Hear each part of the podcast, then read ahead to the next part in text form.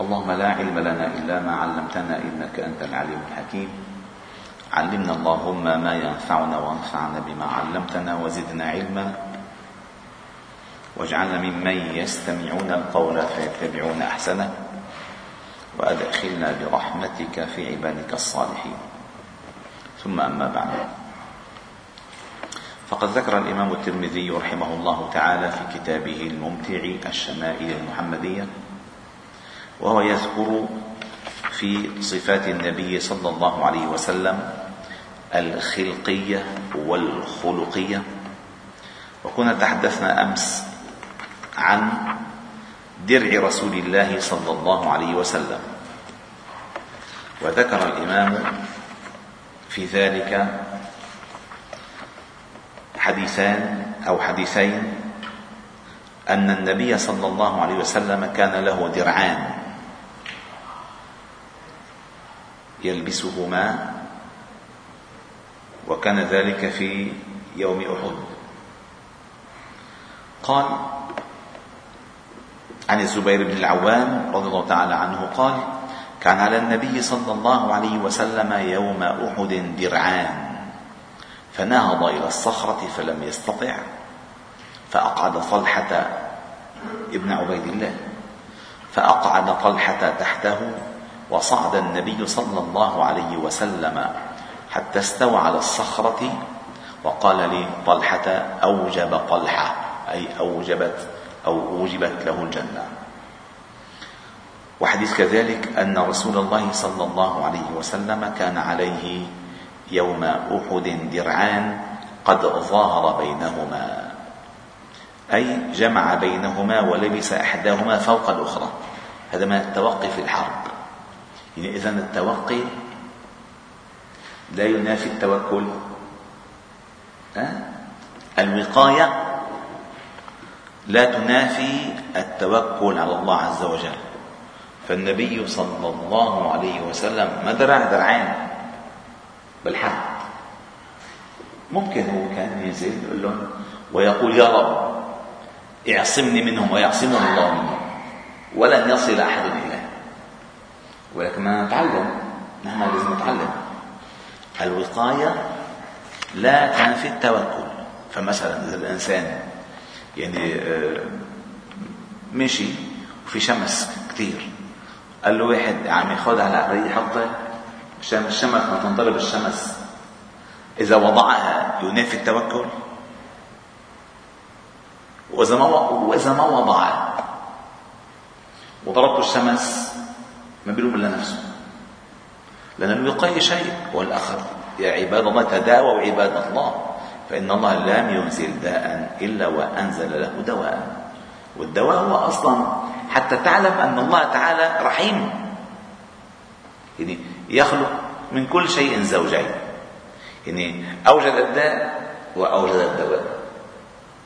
أوجد المرض وأوجد الشفاء. عشان تستعين به ويسمع الله تبارك وتعالى أنينك وانكسارك وتضرعك ودعائك. هيك الأصل. فشيء مهم. لذلك ابن القيم الجوزية رحمه الله تعالى ذكر آه، في كتاب شفاء العليل آه، عن ابن تيمية رحمه الله تعالى أحد وعشرين فائدة للمرض. فوائد المرض له فوائد. أولها يكفر الذنوب. أولها يكفر الذنوب. ثانيها ولا يقل أهمية أن الإنسان يتضرع يتضرع يحس يشعر بنفسه أنه قريب من الله عز وجل. ومع ذلك لا يتمنين أحد منكم البلاء على نفسه. يا رب نزل لي المرض مشان اكون منك قريب. أقول لك نسال الله العافيه والعافية. دائما. أحب ما سور الله عز وجل به العفو والعافية. اللهم عافنا في أبداننا اللهم عافنا في أسماعنا اللهم عافنا في أبصارنا. اللهم متعنا بأسماعنا وأبصارنا وقواتنا ما أبقيتنا. هذه كلها أدعية نبوية. أدعية نبوية. فلذلك المسألة لا تنافي التوكل. لكن مثلا واحد مثلا من فترة امام المسجد؟ أنا عادة بسلم بس بالأزمة هيدي مثلا بالمسجد في خمسين واحد. إذا بدي أسلم على واحد وهي اللي بعده بده يسلم علي ما فيني له مسألة. يا بسلم على الكل يا بسلم على حدا فشو قال لي؟ قال لي توكل على الله يا أخي. أوف. على ما نتوكل أكيد على الله تعالى. وكان المسألة ما دخل التوكل الموضوع.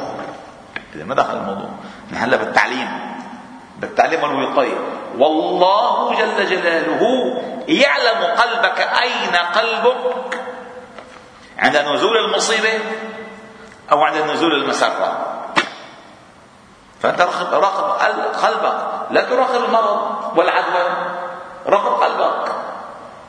يعني قد الإنسان يكون مرضه آه، قلبه مريض بأمراض معدية أخطر من السرطان والإيدز والكورونا. منو منتبه وما عم ياخذ ولا وقاية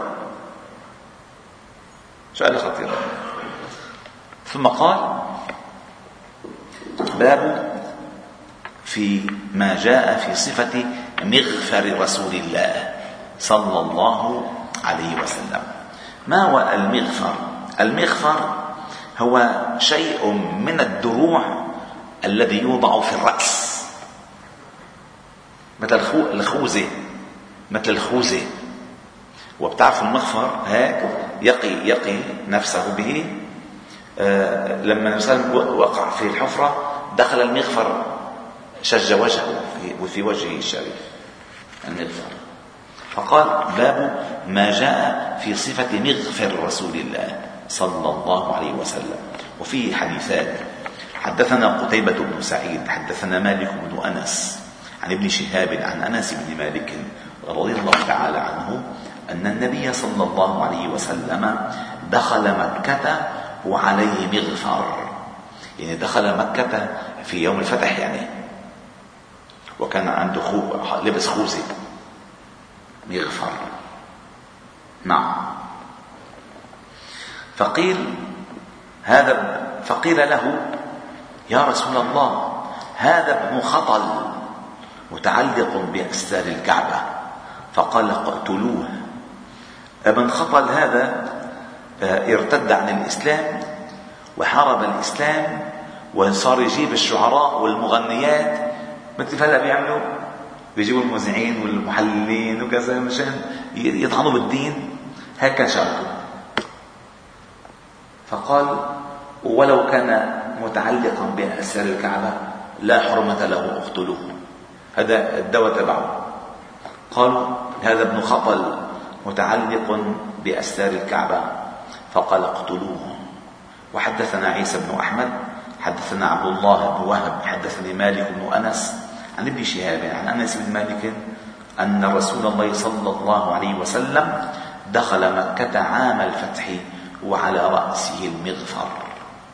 قال فلما نزعه يعني خلص استسلم أهل مكة ودخلوا في الأمان. وقال من دخل بيته فهو آمن ومن دخل بيت أبي سفيان فهو آمن ومن دخل المسجد فهو آمن خلصنا.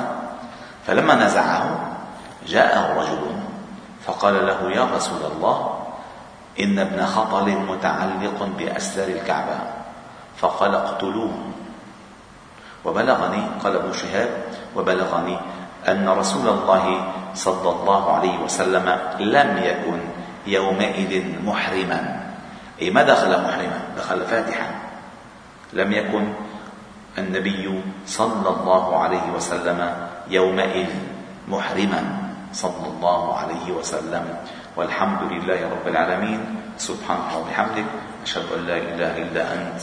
نستغفرك إليك. صل وسلم وبارك على محمد وعلى آله وأصحابه أجمعين.